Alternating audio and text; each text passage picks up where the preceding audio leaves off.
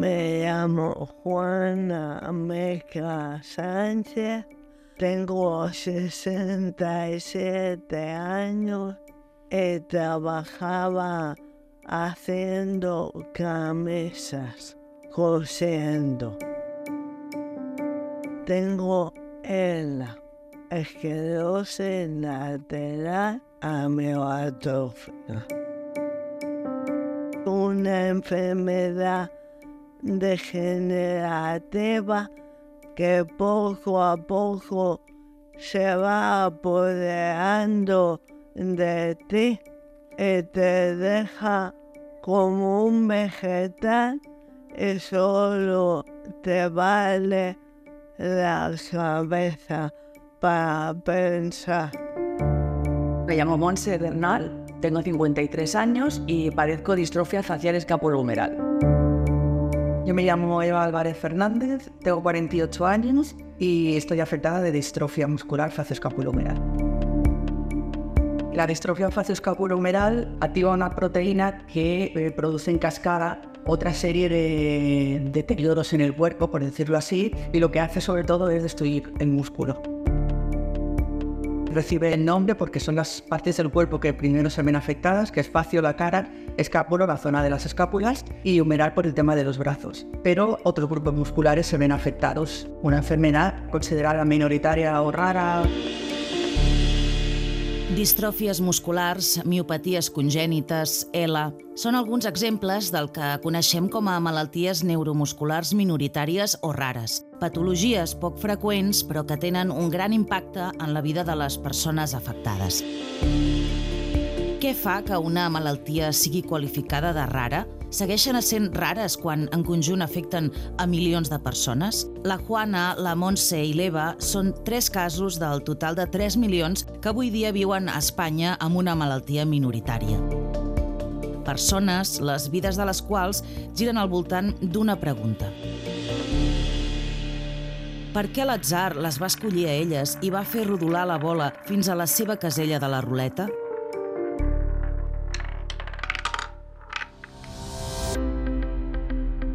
Avui dediquem una beina de mielina a les malalties neuromusculars minoritàries, quan la normalitat no és només una. Beines de mielina, un podcast accessible de l'Institut Goodman, coproduït amb Badalona Comunicació. Connectant neurociència i persones.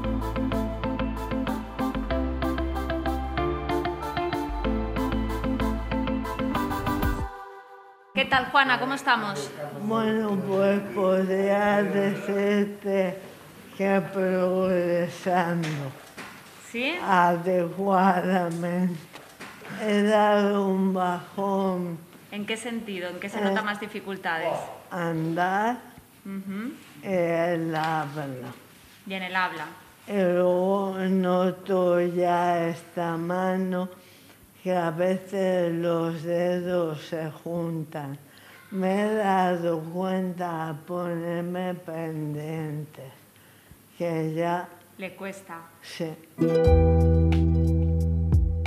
Estem a l'Hospital de Neurorehabilitació Institut Goodman de Badalona.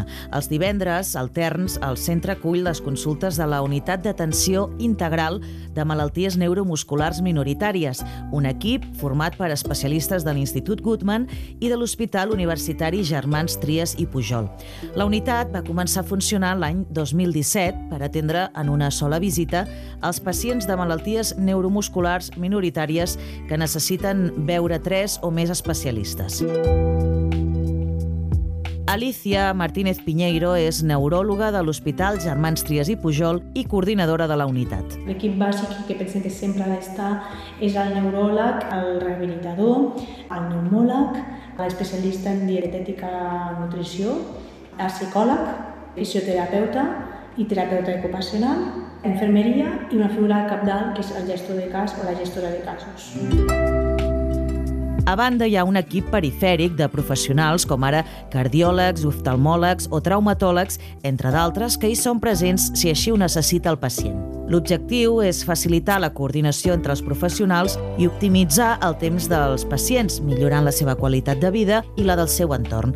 Eulàlia Bertran és metgessa rehabilitadora a l'Institut Goodman. No només ens serveix per coordinar-nos no? i anar tots en una línia, sinó també que evita la duplicitat a nivell de preguntes, duplicitat a nivell d'exploració, que també en segons quin tipus de patologia, si que hi ha un gran ventall i una severitat molt diversa, doncs al final també són converses de vegades molt crues o molt dures i el fet de fer-ho de forma conjunta una sola vegada, doncs crec que al final també el pacient només ha de passar una vegada per això. Aquesta cruesa de les converses no sempre es dona. Depèn de cada patologia i en el cas de les minoritàries, la diversitat i severitat és molt àmplia. A Espanya es considera que una malaltia minoritària és aquella que afecta a menys d'una persona de cada 2.000.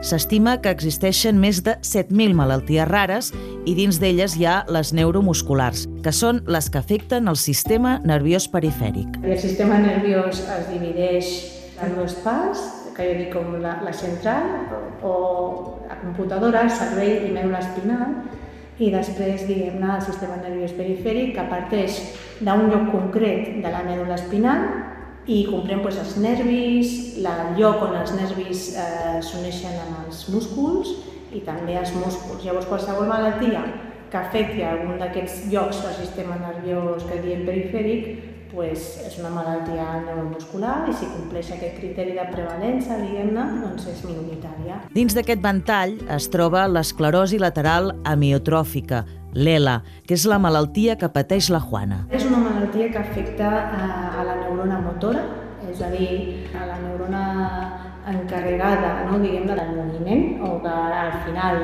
dona vida als músculs. El futur d'una persona que té això és que tingui problemes de mobilitat molt seriosos i problemes que poden tentar la seva vida en tant quan es comprometen la respiració i la devolució. No s'afecten les capacitats que es diuen cognitives, és a dir, la persona està conscient en tot moment del que li passa i per tant el pronòstic és infaust malauradament a dia d'avui.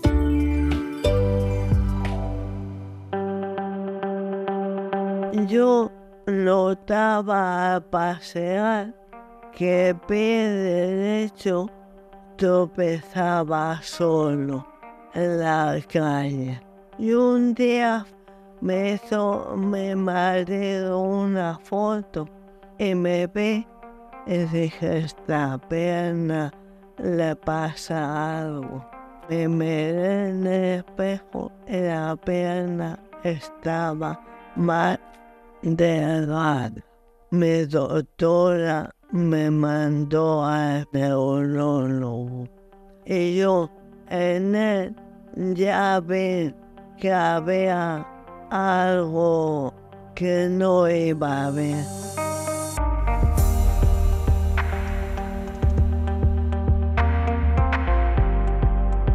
Y cuando volví, él me dijo, parece esto, pero yo no me enteré, me fui. Y cuando volví, fue cuando yo le dije, tengo la y me dijo sí. Y todavía no me lo creí y me hace una prueba que me dijo, para esto no hay tratamiento. Ahí se acabó. Se acabó la esperanza. La Juana va ser diagnosticada al febrer del 2021. En aquell moment coixejava, però podia desplaçar-se sola. Ara va en cadira de rodes. La malaltia també li ha afectat, entre altres coses, a la parla. Tampoco trago ya como antes. No sé el tiempo que podré comer. Perquè en aquest tipus de malalties els professionals assistencials no només treballen pensant en com es troba el pacient en aquell moment concret. Tota aquesta part d'educació, de donar informació, de que el pacient i la família vagin entenent, de vegades no es pot dir tot de cop a la primera consulta. Són diagnòstics que són durs i que cadascú ha de passar el seu procés en este el seu temps. També forma part una miqueta de la nostra feina com a equip, anar-los preparant pel que pot anar passant. Ha comentado el doctor Marín, sí que estamos teniendo ya un poco de dificultades para, para respirar, ¿vale? Cuando empezamos a tener dificultades de este tipo, ya tenemos que empezar a plantearnos y adelantarnos a las dificultades también que pueda haber para comer, porque cuando la alimentación no podemos hacerla completa por boca, nos tenemos que plantear ponernos una sonda. Se lo planteo no porque necesitemos hacer ese procedimiento ya, pero que es algo que tenemos que ir hablando, pensando y solucionando dudas si existen.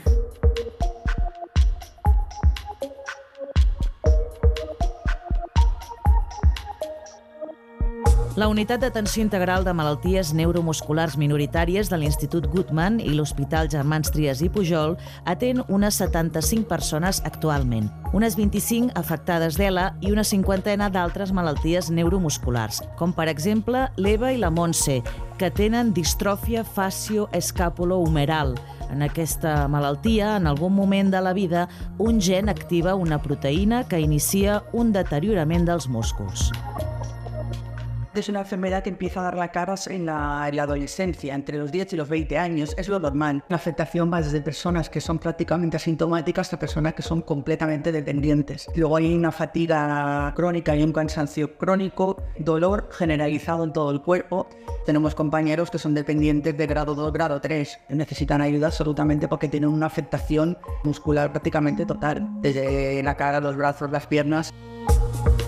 I de la mateixa manera que l'afectació varia molt d'una persona a una altra, també ho pot fer el moment i la rapidesa del diagnòstic. L'Eva, per exemple, va començar a tenir problemes d'esquena i a notar molt esgotament als 12 anys. Va passar així molt temps, fins que el 2013, quan la seva filla tenia 8 anys, va haver de deixar de treballar. Era imposible coger ni un metro un agotamiento de los brazos, cada vez podía caminar menos distancia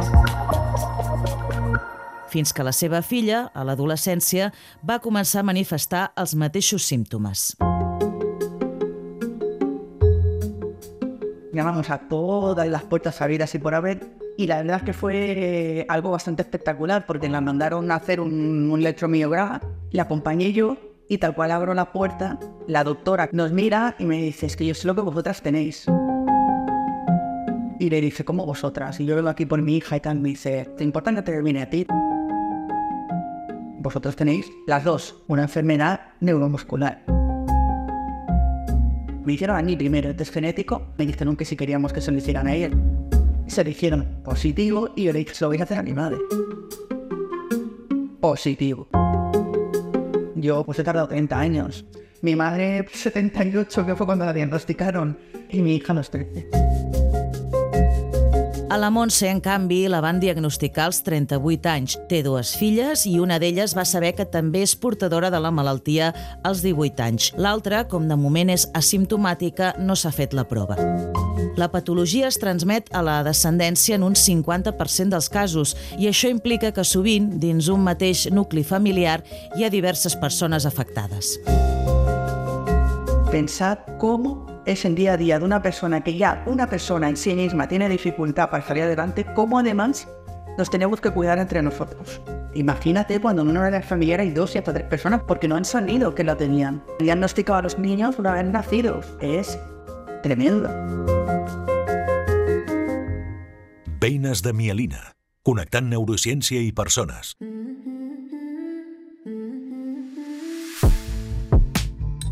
Més enllà de la salut, una malaltia minoritària té un impacte sobre altres esferes vitals, com per exemple l'economia. Si la persona ha de deixar de treballar i no ha cotitzat prou a la seguretat social, els ingressos familiars es redueixen molt. I això agreujat pel fet que en el cas de la Montse i l'Eva no existeix tractament gratuït per a la seva malaltia.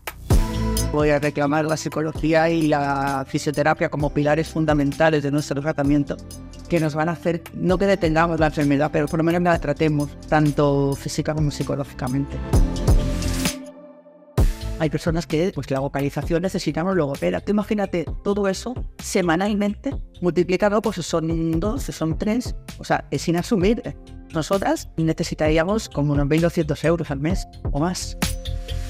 En este caso, ¿qué pasa? Pues que yo no estoy haciendo terapia. Evidentemente, la cuantía econòmica la destino a mi hija. La situació de la Juana és diferent, però al final els diners també acaben jugant un paper importantíssim en com es viu l'evolució de la malaltia. Per això els hospitals tenen unitats de treball social Marina Sabater és treballadora social a l'Institut Goodman. El treball sociosanitari entra en un hospital perquè entenem la malaltia dins del model biopsicosocial, que una malaltia quan s'instaura i afecta una persona no només afecta a nivell mèdic, sinó que afecta a totes les àrees de la seva vida, tant a nivell relacional, social, del treball. I a l'Institut Goodman, amb la patologia que tenim, sobretot eh, són patologies que s'han de veure doncs, si la persona podrà tornar a treballar, si la persona podrà accedir a casa, si té una xarxa social i familiar que li puguin donar el suport necessari i aleshores amb les ajudes que tenim de la Generalitat i de l'estat espanyol i amb els recursos propis de la persona i la família s'intenta acompanyar la família en aquest procés. Per accedir als diferents ajuts existents s'ha de tenir les valoracions del grau de dependència i de discapacitat. Si la persona no té una malaltia oncològica, ELA o alguna altra patologia de ràpida evolució, aquest tràmit pot trigar un any o més. Però encara que es pugui tramitar ràpidament, després els ajuts són limitats. En el cas de la Juana, per exemple, a nivell municipal li han concedit una persona dues hores al dia perquè l'ajudi a aixecar-se, pagant una petita part del sou ella mateixa. Però no pot escollir l'hora a la qual ve aquesta persona, per la qual cosa ha optat per rebre els diners de l'Ajuntament i que sigui l'Antonio qui l'ajudi hi ha moltes coses a millorar, sobretot a nivell de tràmits, a nivell de recursos per les persones que tenen gran dependència. Les famílies es queden molt desprotegides, serveis socials, que és amb qui hauríem d'anar a parlar, atenen a tota la població i no arriben a l'abast a atendre aquestes persones com s'haurien d'atendre. Efectes pràctics, la majoria que tenem no poden arribar a beneficiar-se d'això i són gastos que han d'anar agafant de la seva butxaca. Per això, insisteix Marina Sabater, és tan important connectar les persones amb els recursos comunitaris que intenten arribar allà on no ho fan les prestacions públiques. La part important del treballador social és intentar buscar recursos més personals, familiars i més d'associacions petites de treballar molt en comunitat. I és, per exemple, el que fan la Montse i l'Eva integrant l'associació FSHD, que pretén reunir totes les persones afectades per la seva malaltia a Espanya, per fomentar la recerca, per assessorar les persones afectades, per actuar com a interlocutors davant de l'administració i per donar-se suport mútuament. Cuando te diagnostican una enfermedad minoritaria, aparte de casi todo el mundo encima, tú dices, bueno, ¿y ahora qué? Y cuando tú encuentras a alguien que sabe lo que estás pasando, que te va a decir, es que esto me pasa a mí, ostras, ¿qué me estás contando? Si a mí también me pasa.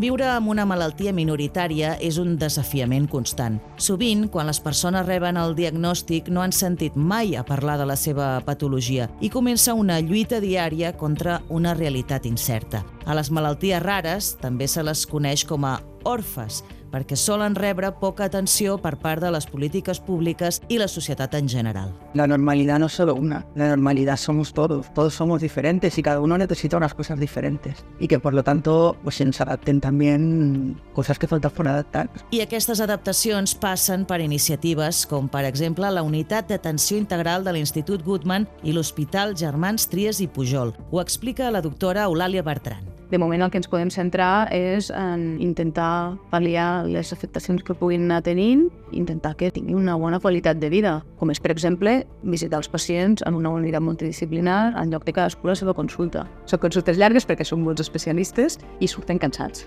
però en general els pacients solen estar contents.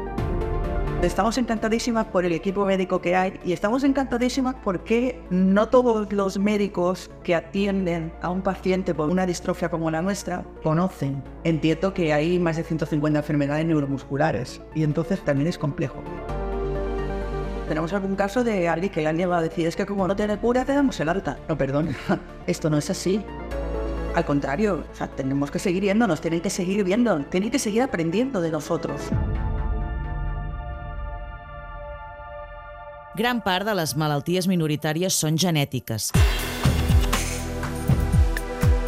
D'altres es manifesten arran d'una situació ambiental que desencadena una reacció del sistema immunitari contra les estructures sanes del cos. Algunes d'elles, no gaires, tenen cura. I afortunadament hi ha una sensibilitat creixent i també un recolzament a nivell europeu per impulsar la recerca en malalties minoritàries eh, que és una que aquestes persones i famílies han reivindicat durant molt temps que se'ls escolti. És el cas de la distròfia facio-escàpulo-humeral. Hi ha diversos estudis en marxa per trobar una cura o almenys aconseguir controlar la patologia i que no progressi. En breu arribarà a Espanya un assaig internacional de fase 3 en què es provaran unes 200 persones un fàrmac per intentar frenar la malaltia. Hi ha altres estudis en marxa.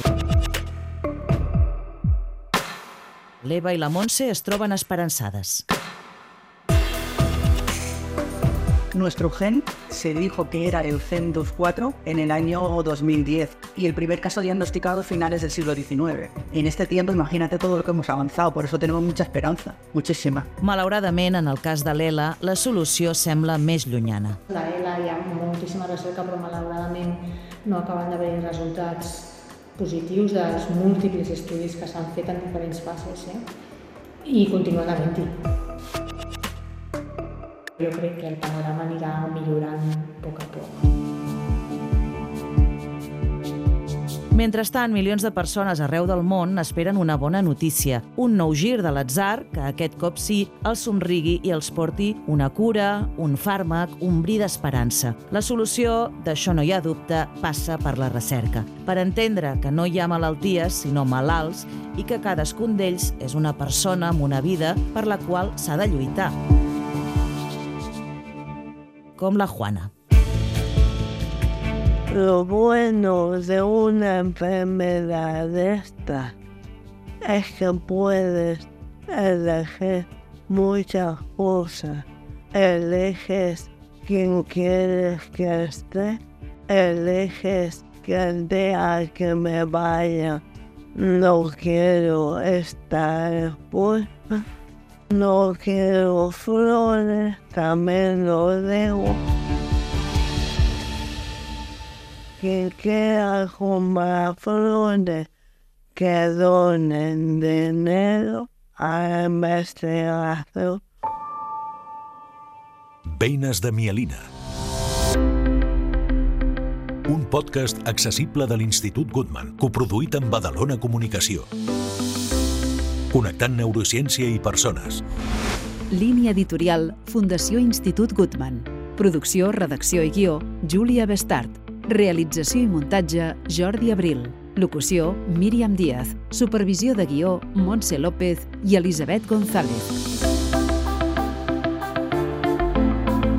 Amb el suport de la convocatòria Joan Oró 2022 de la Fundació Catalana per a la Recerca i la Innovació.